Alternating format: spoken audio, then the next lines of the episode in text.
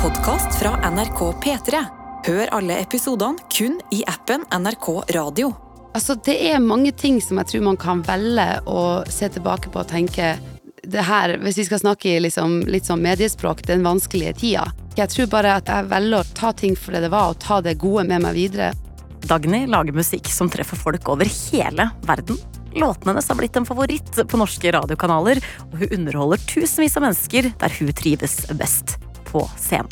Nylig på en av de største vi har, i Oslo Spektrum, hvor 10 000 mennesker kom for å høre på henne, og bare henne. Men det har ikke bare vært vind i seila for artisten fra Tromsø. På ungdomsskolen fikk hun toer i musikk, og livet som en klassisk struggling singer-songwriter i London i 20-åra, det tærte på motivasjonen. Såpass at hun på et tidspunkt vurderte å bytte beite. Hva var det som fikk henne til å fortsette likevel? Og hva tenker hun om utfordringene hun har møtt på veien?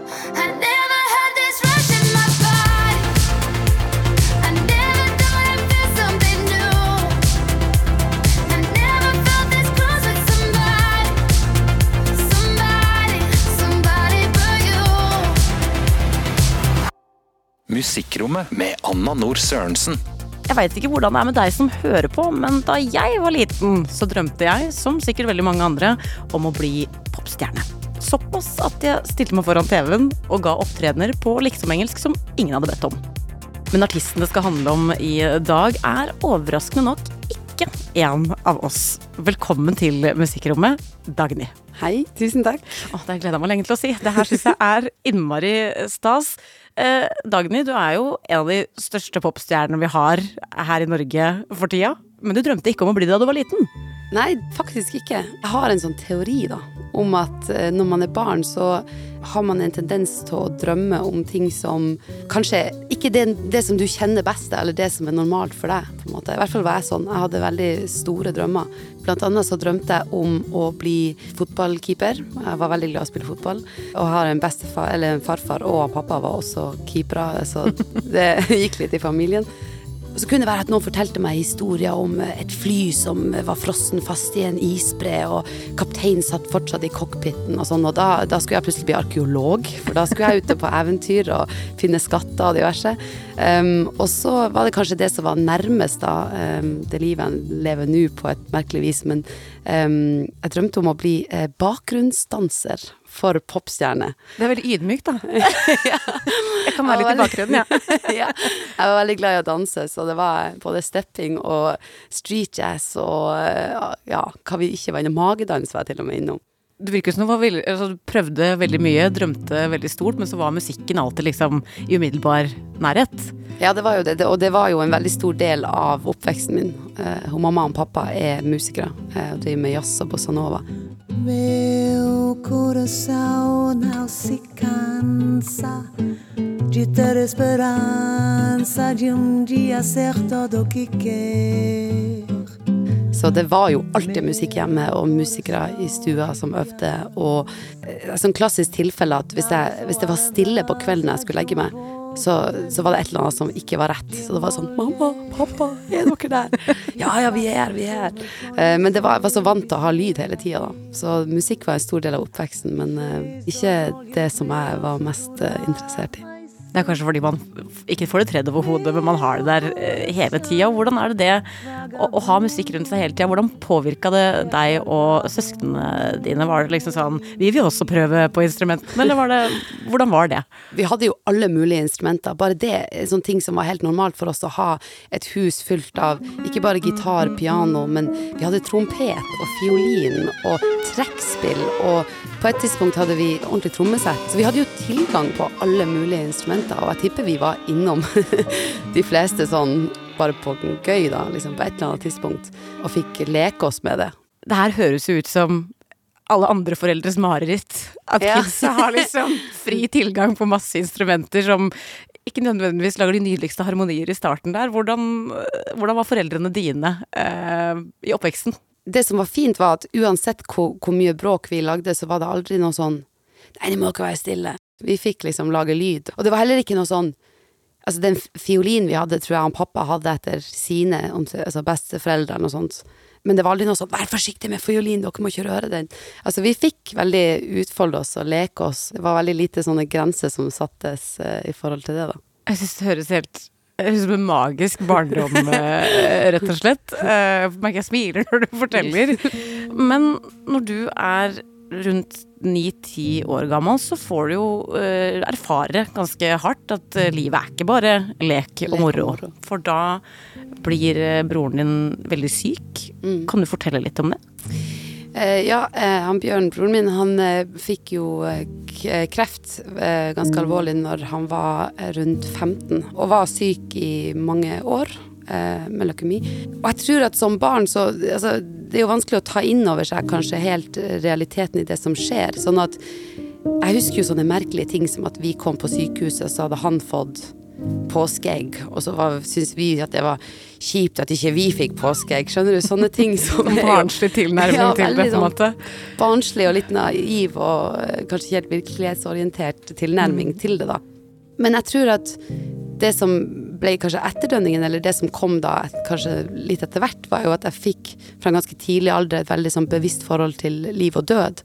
Um, og tenkte mye på det, og hadde en ganske sånn eksistensiell periode, kan du si, når jeg var rundt 10-11 år. Det er tidlig å ha det. Ja, det er veldig tidlig å ha det. Og, eh, og jeg tror at i begynnelsen så utarta det seg mest som um, en, kanskje en frykt, og også en nysgjerrighet. Og heldigvis så har jeg familie som er veldig åpen, og det var aldri noen spørsmål som var feil, eller det var ingen spørsmål som var skummel og stille. Altså alt kunne prates om, da. Og det tror jeg nå hjalp veldig sånn prosessen. Sånn at etter hvert så gikk den frykta kanskje mer over til at jeg ble veldig bevisst på at vi bare lever én gang. Og at man kan Eller at jeg da ville bruke den tida på noen ting som jeg eh, trivdes med. Og det her eh, perioden Altså det her gikk jo over gjennom egentlig hele tenårene mine og litt inn i 20-årene. Men da begynte det liksom virkelig å, å, å få den her forståelsen for at eh, jeg bruke Jeg har lyst til å bruke livet mitt på noen ting som jeg har glede av. Som jeg tror i forhold til musikken har gjort at Kanskje til og med i perioder der det har vært lett å gi seg. Så jeg har fortsatt visst at jeg hadde så mye glede av det at jeg har liksom ikke backa ut, da. Men har det vært et spesifikt punkt hvor du bestemte deg for at nå skal jeg satse på musikken? Har det vært et vendepunkt eller en oppvåkning eller noe, eller noe sånt? Man kan jo si at det i hvert fall er to ting som, sånn som jeg tenker tilbake på det, så, som var et slags sånn startskudd. Um, og det første var jo startskuddet for å bare oppdage at jeg trivdes med å holde på å skrive låter og hadde lyst til å uttrykke meg gjennom musikk. Og det var egentlig sånn som jeg husker det igjen. Førjulstid i et eller annet år. Om det kan ha vært rundt sånn 15-årsalderen, kanskje. Der det var eh, en liten konsert som sendtes på NRK, faktisk. Eh, med ei som heter Eva Cassidy. Som er en fantastisk eh, sanger. I'd like you all to join me in giving a warm round of applause to our star, Eva Cassidy.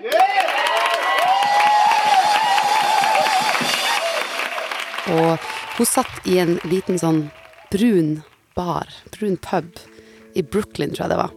Og der satt hun og spilte gitar og sang. Og det bare traff meg så utrolig eh, å se henne og høre henne, og liksom bare følelsen i det hun gjorde.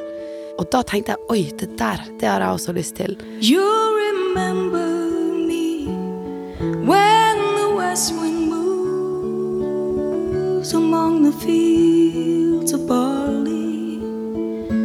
You can tell the sun in his jealous sky when we Så det var vel øyeblikket da jeg begynte å plukke opp gitar, og, og igjen med to foreldre som er musikere, så var det jo Han pappa spiller gitar, og mamma er sanger, og da var det ofte sånn at han pappa lærte meg en ny, ny akkord på gitaren, og så var det å springe opp på rommet, og så var det å skrive en låt med den akkorden, eller den akkordrekka som han hadde lært meg, og så var det å komme ned og liksom spille dem den nye låten, da. Um, og sånn oppdaga jeg at jeg elska å skrive låter, og at jeg å sette ord på ting. Jeg hadde jo skrevet en del sånn norske dikt, eller engelske dikt, som noen ingen blir noen gang til å få se.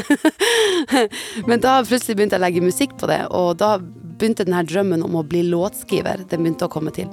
Og så var det vel Det andre som skjedde, var at jeg hadde musikk eh, på ungdomsskolen. Og eh, hadde gjort det ekstremt dårlig, må jeg bare få lov å påpeke. Fikk i to i Nei! musikk. ja. Mener du det? ja, jeg fikk to i musikk. Hvordan er det mulig? Hæ? Ja, det var, ja, det var eh, Og det var jo flaut, for jeg, jeg skulle kanskje ikke bli musiker, men jeg kom jo fra en mus musikerfamilie, Ja, ja, ja. og det skulle jeg ikke ha på meg. Og så skulle vi da, um, det her neste halvåret, så ha et sånn komposisjonsprosjekt på skolen. Og da hadde jo jeg akkurat begynt å lære meg litt, skrive litt, og lært meg noen akkorder. Og så var jeg selvfølgelig da med min toer på gruppe med de to andre som sikkert også hadde da to i musikk, og som da bestemte seg for å ikke komme på skolen når vi skulle da ha sånn fremføring på en fredag. Sånn at jeg husker at vi eh, kvelden før skjønte at ok, det her blir jeg å stå i sjøl. Nå må jeg bare skrive et eller annet så jeg kan fremføre i morgen. Så skrev jeg en låt, da, og så eh, fremførte jeg den den fredagen. Og da skjedde noe med han musikklæreren, da. At han syntes at her var det vel et eller annet.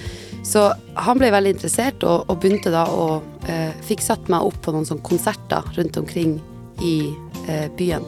Blant annet på torget, der jeg, Idol, eh, vinnerne, eller de fire beste av Idol, var liksom rundt på en sånn runde og spilte på torget, der jeg fikk lov å være oppvarming. Sånn at det første var jo da Eva Cassie, som var en slags sånn bare det å oppdage det å holde på, og så var det da det her komposisjonsprosjektet og det å bli satt opp på små konserter, få spille på avslutninger på skolen og sånn, som var på en måte steget ut fra jenterommet og opp på scenen. Så det er på en måte to ting som jeg ser tilbake på som en slags sånn eh, Der skjedde det noen ting. Mm. Ofte så, så er det jo sånn at man trenger den ene personen som ser deg, og som er deg på rett sted til, til rett tid, og du skal møte nok en sånn person ikke så lenge etter dette, nemlig June. Og dere blir som et sånt tohoda musikalsk troll i, i Tromsø, om man kan kalle det det. Vi heter June og Dagny, og vi skal spille en låt som heter My Ghost. Altså det var jo på ungdomsskolen, og så, og så fikk jeg da lyst til å søke musikklinja, og så søkte jeg meg på musikklinja. Så gikk jeg der første året, og så kom vi tilbake på år nummer to, og da satt det plutselig ei ny jente i klasserommet. Hun hadde da vært på eh, folkehøyskole, og da kom et Hun var ett år eldre enn meg, så da starta jeg vår klasse fra andre året. Og hun var jo eh, superkul. Hun, hun hadde veldig sånn fryktløs eh, fremtoning, og likte henne veldig godt fra starten. Og så eh, begynte vi å, å henge i lag, og ble veldig, veldig gode venner veldig fort. Og hun også var eh, interessert i å skrive låter. Så vi begynte å eh, henge masse i lag og, og eh, skrive masse i lag. Det var, sånn som jeg husker, så var det det vi gjorde, egentlig. Hvis vi var hjemme, hun bodde for seg sjøl, eller med noen venner, så vi var mye hjemme hos henne og satt bare og skrev låter. I saw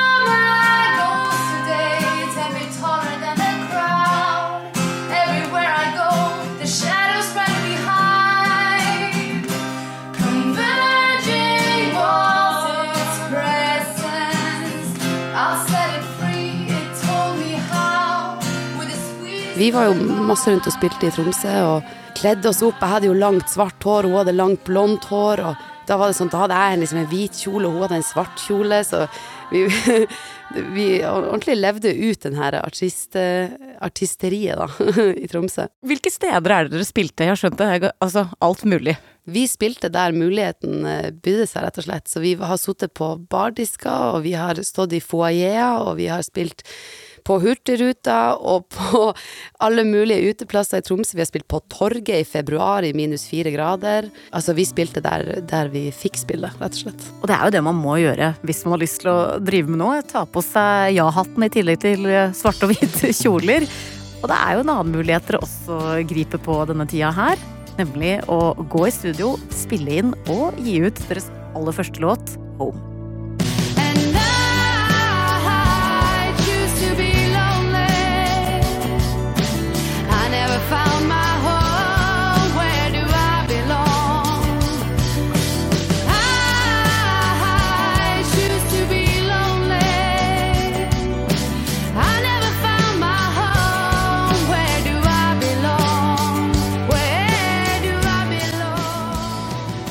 Etter hvert så løses jo denne duoen eh, opp, og din eventyrlyst, som du har hatt med deg siden du var liten, tar deg vekk fra Tromsø og til England. Først Liverpool, og så til London. Hvordan var det å prøve seg i utlandet som musiker? Den første tida i London var jo Altså, det var så spennende, men den var også brutal. På hvilken måte da? Nei, fordi at Altså, jeg er jo en ganske aktiv person. I Tromsø så hadde jeg jo tusen ting på gang. Fem jobber og venner. Og altså, jeg var jo nesten ikke hjemme utenom når jeg sov. Og det var bare innom hjemme for å sove litt, for å så fære ut igjen og ha tusen ting på gang. Uh, og så kom til London, da, der jeg ikke kjente noen utenom han som jeg var med da, og, og, og skrev med. Og hadde ingenting som fikk meg opp på morgenen. Jeg skulle ikke til noe jobb. Uh, Og så var jeg ikke helt sånn vant til den situasjonen. Jeg visste ikke helt hvordan jeg skulle klare meg sånn sjøl heller. Sånn at den første tida var jo egentlig litt sånn der eh, å bare lære seg å fungere uh, sjøl og skape sin egen hverdag, da. Så jeg vil jo si at tida i London var så utrolig sånn essensiell i forhold til at her har jeg flytta til en storby, får plutselig et møte med en musikkbransje, en industri, som jeg ikke visste noen ting om. Altså, hvis noen hadde sagt til meg hva er publishing, jeg visste ikke hva publishing var. Jeg visste ikke hva Altså, det var Jeg visste ingenting, liksom. Og så kom jeg dit, og så plutselig kom jeg inn i en verden der alle var i musikkbransjen og en industri, og det miljøet jeg kom inn i da. Og hadde så mye peiling, og alle skrev hver dag musikk og spilte syv kvelder i uka for slikk og ingenting. Så da skjønte jeg jo at her må jeg jobbe tusen ganger hardere. Og så var det den personlige delen av det da som var Det gikk nok litt fra å være sånn ungdom eh, til å bli litt voksen, da. Så den, den tida der føler jeg var veldig sånn eh, definerende, kan du si. Og så kommer du til London, sant, som Det var så mange som holdt på, og det skulle så mye til da for å få noen ting til. Så der var det egentlig bare å bøye hodet og jobbe på. Og jeg har alltid vært glad i å arbeide, det, og jeg hadde jo ikke noe så særlig venner eller noe annet å holde på, så det passa meg egentlig veldig bra. Jeg fikk bare sitte Jeg fikk egentlig lov å bare gå inn i bobla og være i den og sitte og skrive låter. Bare drive med musikk. Fikk lov å utvikle meg i fred, da, kan du si. Mm. Det høres jo ut som en veldig formativ periode. Samtidig kommer jo ikke spillejobbene av seg sjøl. Du blir ikke booka til noen festivaler eller, eller klubbscener. Men da tar dere saken i egne hender og spør rett og slett om dere kan spille i stua til folk hjemme i Norge. Vi hadde enormt lyst til å spille, men jeg hadde ikke gitt ut noe musikk. Det var jo ingen som hadde noe sånn særlig forhold til musikken. Vi spilte jo mye rundt på sånn der open mic, og liksom der muligheten bydde seg. Og deriblant gjorde vi en konsert i ei stue hjemme hos noen venner av foreldrene til han som jeg var sammen med. Da fikk vi plutselig en sånn idé om at ja, men fader, vi blir jo ikke booka til noen festival, altså. Igjen, jeg kunne ingenting om hele det her. Det var jo ikke noe klubbturneer å snakke om eller sånn. Så vi fant ut at men fader, skal vi ikke bare booke en stueturné? Så ser vi om det er noen som har lyst til at vi bare får lov kan komme hjem til dem og, og spille i stua deres. Så da var det egentlig bare å, å legge ut en post på Facebook, som var det store Store oppslagstavla back ja, in det var den store oppslagstavla på denne tida. Der vi skrev at vi har lyst til å komme hjem til deg og spille. Det eneste vi sa da, var at vi ville gjerne at det skulle være 15 personer eller mer til stede. Så det ikke skulle ende opp med at vi sto liksom ved middagsbordet til familie på fire, liksom. Som sikkert også hadde vært superhyggelig. Mens de sitter og plukker etter tallerkenen sin Ja. Eh, men det var jo for å ha noen sånne. Og så, Mm. tror jeg vi fikk 1500 kroner eller noe sånt for å liksom være med og dekke reise og ja. Og så måtte vi få lov å bo hos dem som vi spilte hos, da. Og det er selvfølgelig. Ja. Og det som var gøy, var jo at det her ble jo en kjempe Altså, jeg vet ikke hva vi hadde tenkt at det skulle være, men det, vi fikk jo så mye forespørsler. Så den første stueturneen vi gjorde, så, så gjorde vi jo om vi gjorde 34 på stue på 28 dager eller noe sånt. Altså vi gjorde flere konserter enn vi hadde dager, basically. Dere hadde flere stopp på én dag. Ja, for Ja. at vi begynte jo i Tromsø, og der rakk vi liksom to. Ja. der rakk vi to på en dag. altså vi reiste rundt hele Norge. Vi var liksom i Lier og utenfor Trondheim, og vi var i, eh, på Nøtterøy, og vi var i eh, Tromsø, og vi var nå i Altså hvor vi ikke var. Vi var over hele landet, liksom. Og tok busser og tog og prøvde å gjøre det så økonomisk eh, som mulig, da. Men det ble en så utrolig fin opplevelse, og vi fikk møtt så mye folk, og det var en helt sånn spesiell turné, og så endte det med at vi gjorde to til stueturneer, faktisk.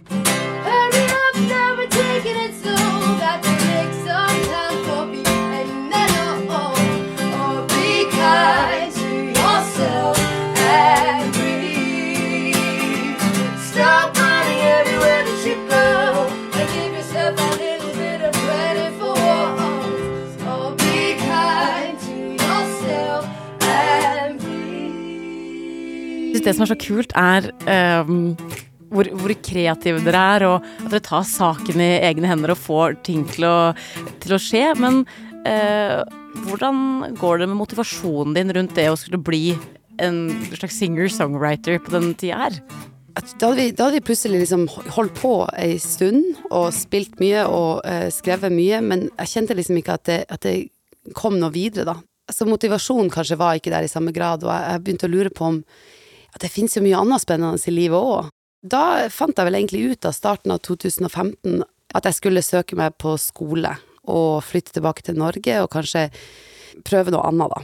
Vi vet jo nå at ikke du eh, ga deg, eh, for ellers hadde du ikke sittet her sammen med meg nå. Men er det et punkt du kan huske hvor du eh, fikk litt sånn ekstra gir eller motivasjon tilbake igjen til å fortsette med det du hadde starta på? Det som skjedde var jo at jeg, at jeg i siste liten da fant ut at jeg måtte, jeg måtte vurdere litt, skal jeg virkelig flytte tilbake til Norge?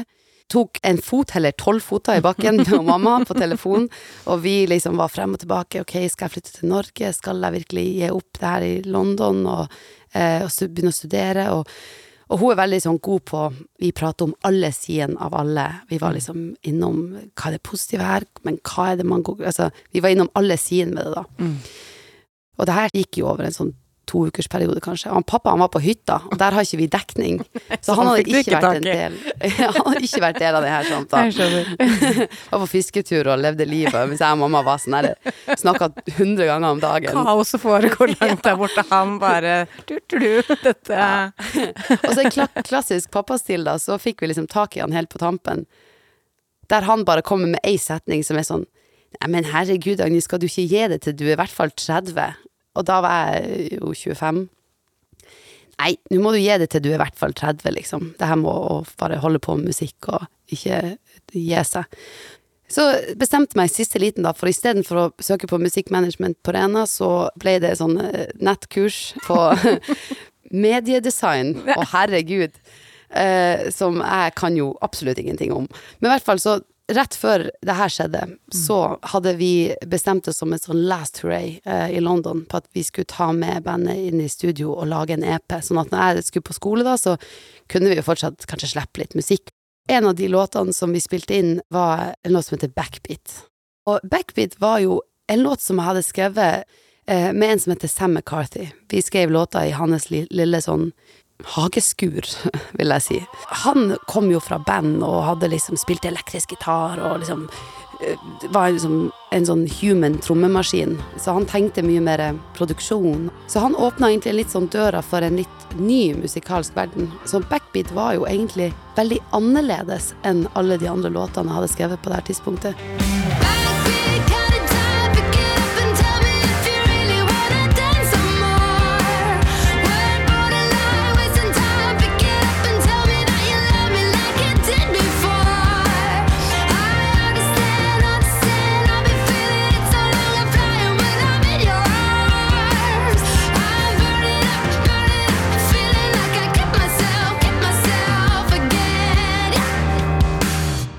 Det høres jo ut som han her Sam liksom åpner eh, et nytt musikalsk rom eh, inni deg, og denne låta den skal snu opp ned på alt, egentlig. For hva er det som skjer når du har sluppet den?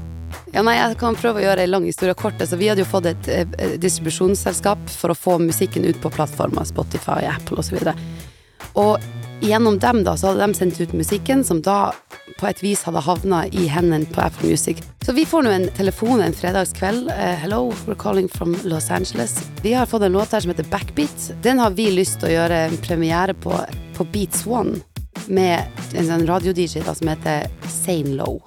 Og han Sane Low han var jo altså, legende, liksom, i eh, London. Og Hvem er ekvivalenten hans i Norge, hvis vi skal sette han ja, guri meg. Kristine Danke, Mona Beris. Han er en hybrid av alle de største musikkjournalistene. Ja, absolutt. Og han ville gjøre en premiere av denne låta på kommende onsdag. Og det her var jo en fredagskveld, og vi hadde jo ikke artwork, vi hadde jo ikke mastra låten, ingenting, liksom. Så vi var jo i full eh, fotoshoot. Inn på redigeringsprogram, prøvde å få litt farger inn og liksom skape et eller annet artwork. Eh, Fikk noen vi kjenner til type å mikse låten. Jeg tror faktisk ikke vi fikk mastra den ordentlig i tide. Så jeg husker jo når den spiltes på radio første gang at alle låtene var på ett nivå, og så kom backbeat Og så var den sånn veldig mye lavere. jeg hadde håpet du skulle si høyere. Nei, faktisk ikke. Så vi heiv oss rundt, og da, da kom den da på onsdag, første gang på radio. Ble da fulgt opp med radio i Norge. Våkna opp på en torsdag til at plutselig masse blogger hadde begynt å skrive om det. Og våkna opp da på fredag til at låten var liksom all over uh, New Music Friday. Og da gikk det egentlig slag i slag. Det, det er rart å si det, for det opplevdes som at alt skjedde over natta, men vi hadde jo holdt på i mange, mange år. Samtidig så var det virkelig et eller annet som endra seg over natta. Høres ut som sånn 0 til 100-øyeblikk på et vis, da. Det var veldig det, og i løpet av tror jeg, en veldig kort, kanskje en uke eller to, så var vi liksom allerede på vei ut til plateselskap i USA for å gjøre showcase, og fikk plutselig tilbud masse eh, avtaler og diverse, så det var virkelig sånn surrealistisk tid eh, i livet. Det, det kan jeg tenke meg, og et av disse tilbudene du får, det takker du jo ja til. En platekontrakt med det amerikanske plateselskapet Republic. De har blant andre Ariana Grande, Drake og Taylor Swift i stallen, det er jo noe å tenke over. Og så tipper jeg det ikke blir mindre surrealistisk da en akustisk versjon av Backbeat ble brukt i den gigantiske TV-serien Grace Anatomy. There are moments when all the stars align, when everything seems as it should be. Your life seems to have sorted itself out. It's not like all our problems go away. Just tell me where to go. Down the stairs and out to the back door. Okay, I'll be quiet as a mouse. It's just that the problems are suddenly manageable. It feels so good, you wonder if it's real. Hvordan var det å gå fra å nesten bytte beite, som du holdt på å gjøre i, i 2015, til å plutselig i 2016 ha over 20 millioner lyttinger på én låt? Altså, kan du huske hva som gikk gjennom hodet ditt på den tida her? Det som først og fremst gikk gjennom hodet, var bare hvor utrolig mange nye opplevelser vi fikk. Og altså, jeg husker liksom eksempel at når Backbeat hadde vært ute en viss periode, så hadde den liksom fått 190 000 streams. Da var det liksom opp med et sånn der eh, A4-ark over hodet der det sto sånn herre Hurra! 190 000 streams! Alt var en seier. Det var, vi feira mye, og det var, det var så mange firsts. Det var så mange førsteganger, liksom. Vi var så åpne for hva enn som skulle skje, da. Du gjorde deg veldig tilgjengelig for, for verden, på en måte. Ja, og det var veldig mange ting som skulle læres, men jeg syns jo det er spennende å lære, og det å hele tida utvikle seg. Plutselig så gikk man fra å egentlig bare noen år tidligere har begynt å skrive musikk med andre folk, og fortsatt holdt det veldig innafor gruppa, til å plutselig liksom skulle reise til Los Angeles og være liksom i session med masse forskjellige produsenter og låtskrivere som gjorde det her hver dag, og samtidig som jeg også fortsatt drev og søkte veldig på hvem er jeg, og hva jeg har lyst til at det her skal være. Og Backbeat hadde jo hatt suksess, men var veldig annerledes enn de andre låtene, så det å og nå skulle på en måte skrive, komme inn i studio med folk som alle var sånn, «Å ja, Backbeat, ja, ok, og det ble referanse for alt, og så, jeg tror egentlig mest av alt at vi bare tok ting litt sånn som det kom, og det var bare ekstremt spennende periode, og alt var nytt. Da var alt det her med at jeg skulle skifte beite, var egentlig Det ble fort glemt. ja. Du går jo bokstavelig talt fra å banke på dørene til folk, til at det stikk motsatte skjer. Det er festivalene som, som booker deg. Altså Den første festivalsommeren din, så er det 36 festivaler som har navnet ditt på plakaten sin. Og i tillegg så blir det en USA-turné, din aller første. Men den blir ikke helt som planlagt. Hva var det egentlig som skjedde, Dagny? Nei, altså det som skjedde var jo at uh, den første tida med plateselskapet var jo mest å skrive låter. Så det var jo et veldig fint fokus, sånn sett, og fikk være masse i studio og skrive nye ting. Og så var det jo å fære ut og spille, og jeg elsker jo å spille. Det er jo virkelig ingenting som jeg digger så mye som å spille konserter. Så når vi da i, i 2017 fikk mulighet til å dra på vår første bussturné, det var jo bare så spennende. Så det var da som oppvarming for et band som heter Laney. Og så i dag i samtaler med plateselskapet, så, så finner de ut av bare kanskje en og en halv måned, sånn kjempekort før turneen skulle i gang, at nei, vi syns egentlig at du bør fortsette å bare sitte i studio, for vi, vi vil ha mer musikk ut, og vi tror at det er det rette fokuset. Men da var jo vi allerede på veien basically i hodet. Så den der å plutselig skulle trekke seg fra det, det føltes ikke ut som det var aktuelt i det hele tatt. Men så er jo realiteten at å dra på turné koster jo også mye penger. Sant? Reise til USA, ta med deg musikere og alle de her tingene. Og det skulle jo plateselskapet betale. Så det er klart at når de trakk seg fra turneen, så trakk de jo også budsjettet, eller sånn, ja. Så da fant jeg ut at ok, nå kan jeg enten gå i studio, ikke dra på turné, heller så må jeg bare finne en måte å skaffe de her pengene, så vi kommer oss på turné. Ja, guri meg. Og det også, det, i den her søken på hvordan i helsike skulle vi betale for det her, da, så var det jo å sende ut mail til alle vi kjente som, som tjente godt. Hallo, um, ja, skal vi Har ikke du ei krone ekstra, da? Ja, kunne vi kanskje komme og spille på um, under julemiddagen deres et eller annet, mot at dere kanskje sponser turneen vår? Men da klarte vi altså rett og slett på en og en halv måned å hope sammen 700 000 da, som det kosta å reise på denne turneen. Og det er jo helt eh, vilt. En ting var jo at vi fikk skaffa liksom penger, men en annen ting var jo også at her henta vi inn hele den her DIY, do it yourself-mentaliteten som vi hadde hatt i så mange år, og som fortsatt er en grunnleggende greie da, i meg. Så her var det liksom Vi var bare tre stykker da som skulle reise, som bandet, da. Vi hadde jo lyst til å se kule ut òg, men vi hadde jo ikke noe budsjett for å, for å liksom kjøpe inn noen klær og sånn. Så da var det å kjøpe noe sånn derre Hva det heter Boiler suits? Arbeidsdrakter, rett og slett. Sånn at vi i hvert fall matcha på scenen. Og så var det å, å få tak i noen sånne gamle mikrofonstativ og litt utstyr og sånn, og så var det å spraymale det hvitt, sånn at det så litt kult ut. Vi var liksom fem stykker på ett hotellrom, fire stykker på ett hotellrom. Bare for å gjøre det så billig som mulig, da.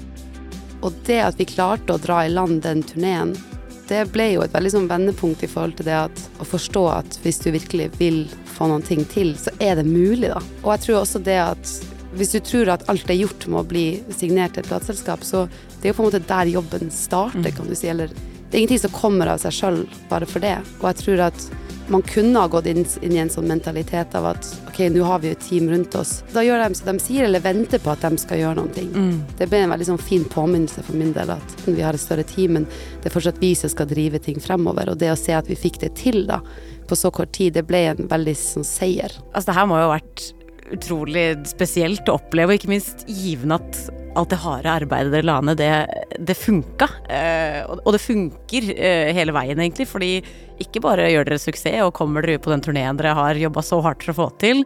Du får også en drøss med Spellemann-nominasjoner for dine egne låter. Eh, Du gjør et samarbeid med Seeb, som blir til en av 2018s største låter, 'Drink About'.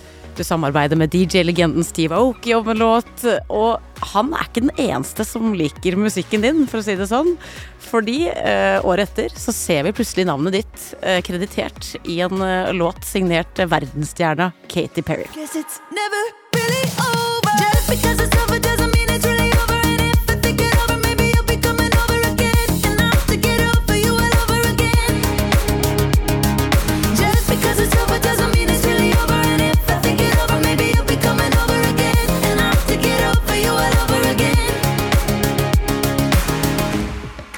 Liker nemlig eh, låta di 'Love You Like That' så godt at hun og teamet hennes det har lånt grådig fra din låt. Eh, Og det gjør at du må krediteres, rett og slett. Hvordan var det å få den beskjeden? Ja, det var jo eh, surrealistisk. Først og fremst stort kompliment, og at jeg, jeg kan inspireres av henne gjennom tenårene, men at hun også kan inspireres av det. Er sånn full er- sirkel-moment. Det kan du si. Og så var jo 'Love You Like That' var jo en veldig spesiell låt for meg. Og på det her tidspunktet 'Never Really Over', som hennes låt heter, kom, så hadde på en måte 'Love You Like That' levd ganske god stund allerede.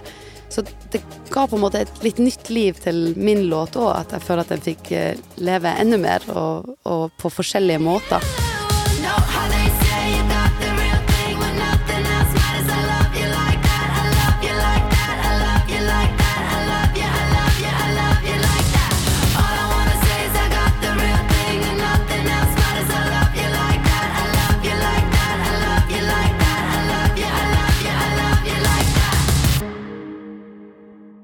Men samtidig som det i hvert fall ser ut som at alt går på skinner utenfra, så eh, viser det seg etter hvert at ting ikke er helt sånn uproblematisk mellom deg og dette store amerikanske plateselskapet. Kan du fortelle litt om hva som skjedde? Jeg tror egentlig det som skjedde var at eh, vi hadde i bunn og grunn egentlig bare veldig forskjellige måter vi ønska å jobbe på. De hadde den tilnærminga at, at alt skulle på en måte bare lede opp til ett øyeblikk med én låt som skulle på en måte bli en verdenshit, og så skulle det endre alt. Mens jeg hadde litt mer sånn Det var en del musikk som jeg ville slippe, som, som kanskje ikke nødvendigvis var en sånn her Her kommer den store hiten, men som fortsatt var betydningsfulle låter for meg. Og at jeg ville liksom ut og spille, og de ville egentlig kanskje mest at jeg bare skulle sitte i studio og skrive og skrive, skrive, skrive, skrive, helt til alle følte at her er en låt. Men jeg, følte bare at vår tilnærming til hvordan det her skulle være, da, var veldig forskjellig, og det ble bare tydeligere og tydeligere med tida. Så i et sånt plateselskap så er det så mange prosesser, og det er så mange folk ting skal gjennom før det kan komme til live, og det er så mange som skal ha meninger, og ting bare tok veldig lang tid. Og i den tida så følte jeg at det var så mange andre ting som jeg hadde lyst til å gjøre, som kanskje ikke var på et verdensnivå, men som var på et nivå som ga meg mer enn nok. Så dere er jo rett og slett på helt forskjellige eh, planeter. Ja, det kan du si. Jeg syns jo din tilnærming til å jobbe med musikk høres mye gøyere ut. Ja, det syns jo jeg òg. Mye mer eh, organisk. Og så er det jo eh, litt sånn at det blir sånn det er ikke deg, det er meg. Dere, du, du slår opp med plateselskapet ditt, rett og slett. Det som ble eh, spikeren i kista for meg og Republic, var jo at jeg hadde bestemt meg for at jeg skulle gjøre album, og de kjente at ok, det er ikke vi helt klar for. Da kan vi slippe deg, og så kan du gå og lage album. De lot meg gå, eh, og, og jeg var klar for det, og de var klar for det. Og jeg tror at i kjølvannet av et sånt brudd, så er det klart du gjør deg masse tanker. En ting er hvordan du sjøl velger å se det, men det er klart du tenker jo på hvordan ser det her utenfra. At uh, i sånn uh, clickbait-måte å si det på, da, uh, ble droppet. Eh, ja. ja. Mm. At, at jeg tenkte jo at eh, det er klart at de tankene gikk gjennom hodet mitt at shit, har jeg kanskje ikke nok å fare med, eller klarer vi å finne tilbake til den her eh, nå skal vi gjøre ting eh, bare oss, DIY, og uten å ha det der eh, enorme selskapet i ryggen, da. Altså, det er mange ting som jeg tror man kan velge å se tilbake på og tenke det her, hvis vi skal snakke liksom, litt sånn mediespråk, den vanskelige tida. Jeg tror bare at jeg velger å ta ting for det det var, og ta det gode med meg videre. Jeg fikk jo en enorm følelse av at nå skal jeg ikke prøve å jage en låt som dem skal, men nå får jeg bare skrive det jeg har lyst til, og nå er det helt åpent. Mm. Du skal ikke ha det presset på deg, på en måte. Ja, det var jo en frihet i det å kunne skrive hva som helst, og da var det jo bare en måned etterpå at jeg skrev i løpet av ei uke både 'Somebody' og 'Come Over'. Talk to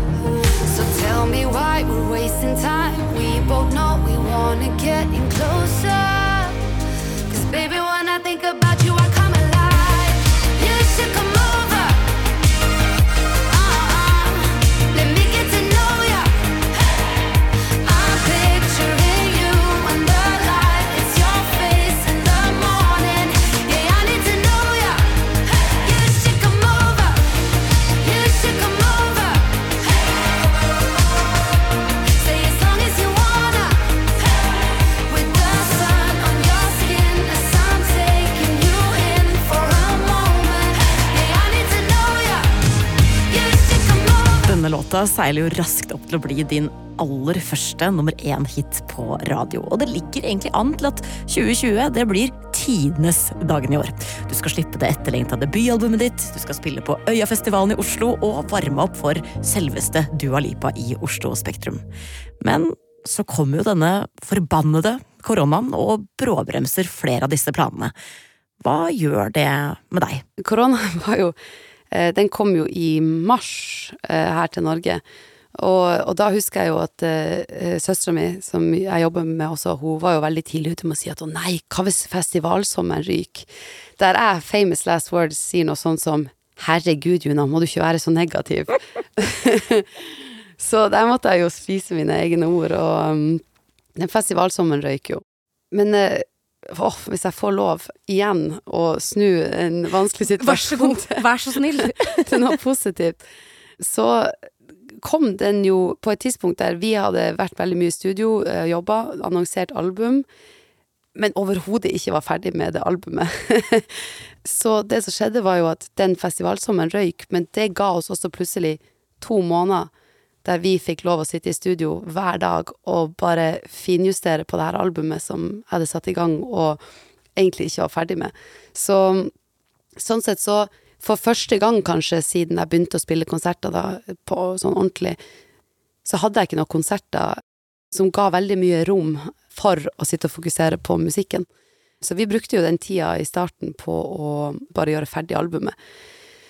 Og korona var jo en kjip jævel, for å si det rett ut, for mange. Ja. Også oss inkludert Også. Men jeg syns jo at Jeg følte at vi klarte å finne en måte å håndtere det på som funka veldig bra, da. Med å bare fokusere på de tingene vi kunne fokusere på.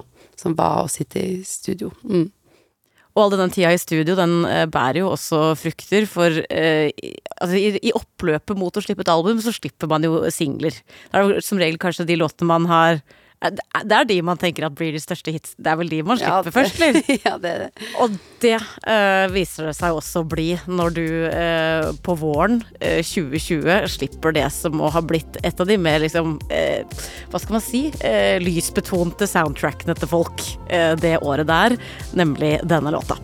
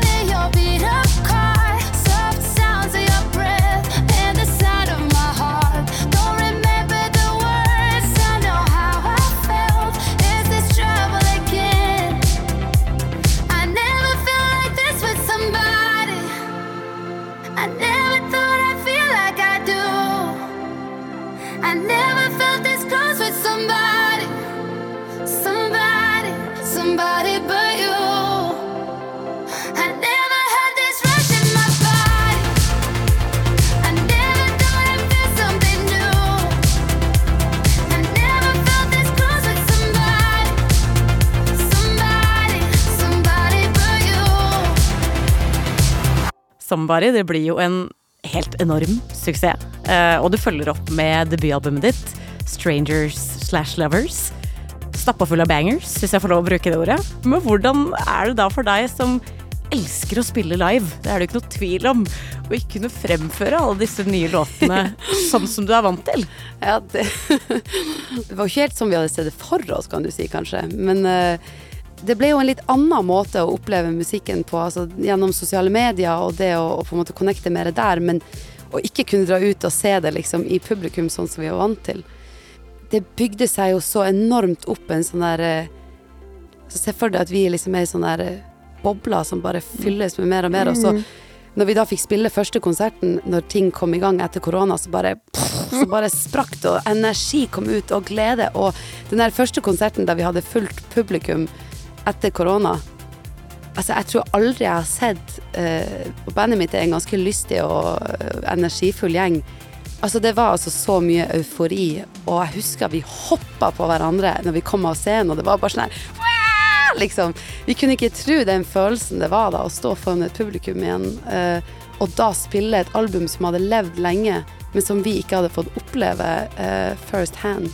Um, altså, det var, det, var, det var en skikkelig spesiell opplevelse. Jeg får sånn sommerfugler i magen på deres vegne, Ja, var- som har vært helt fantastisk. Du ligger jo ikke på latsida på konsertspillingen heller, når du endelig kan få spille live igjen. Da er det jo bare å kjøre på, spille masse, masse, masse live, som egentlig skal vise seg å være nærmest en, en treningscamp til den ultimate styrkeprøven en norsk artist kan gjennomføre, og det er jo å fylle Oslo Spektrum aleine. 10 000 mennesker har plass der, hjelpes meg. Eh, hvor kom ideen om å spille derfra? Det var bookingagenten min som først foreslo Spektrum. Hva Eh, tenkte du da, liksom? Min første tanke var sånn her, herregud, hva hvis vi må avlyse for at vi bare har solgt sånn kjempefå billetter? Um, og så var min neste tanke Jeg var usikker på om jeg visste hvordan jeg skulle håndtere en sånn scene, eller sånn Klarer jeg å skape en konsert som har på en måte en sånn eh, reise i en og en halv time, liksom? Og det er jo ikke så veldig rart, men så regner jeg med at du som alltid snur det om og finner noe positivt, finner en løsning og, eh, og jobber hardt for å få det til.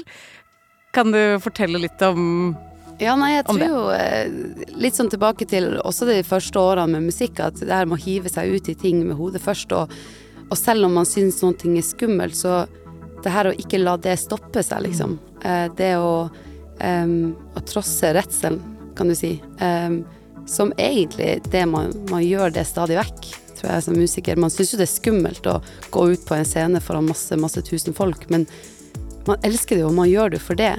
Um, man syns jo det er skummelt å gå inn i studio med folk som man ikke kjenner, og skulle liksom komme med ideer og tørre å åpne opp. Eh, man syns jo det er skummelt å gjøre podkaster og intervju, men, men det å ikke la seg tross Altså la den frykten komme i veien for å gjøre det, da.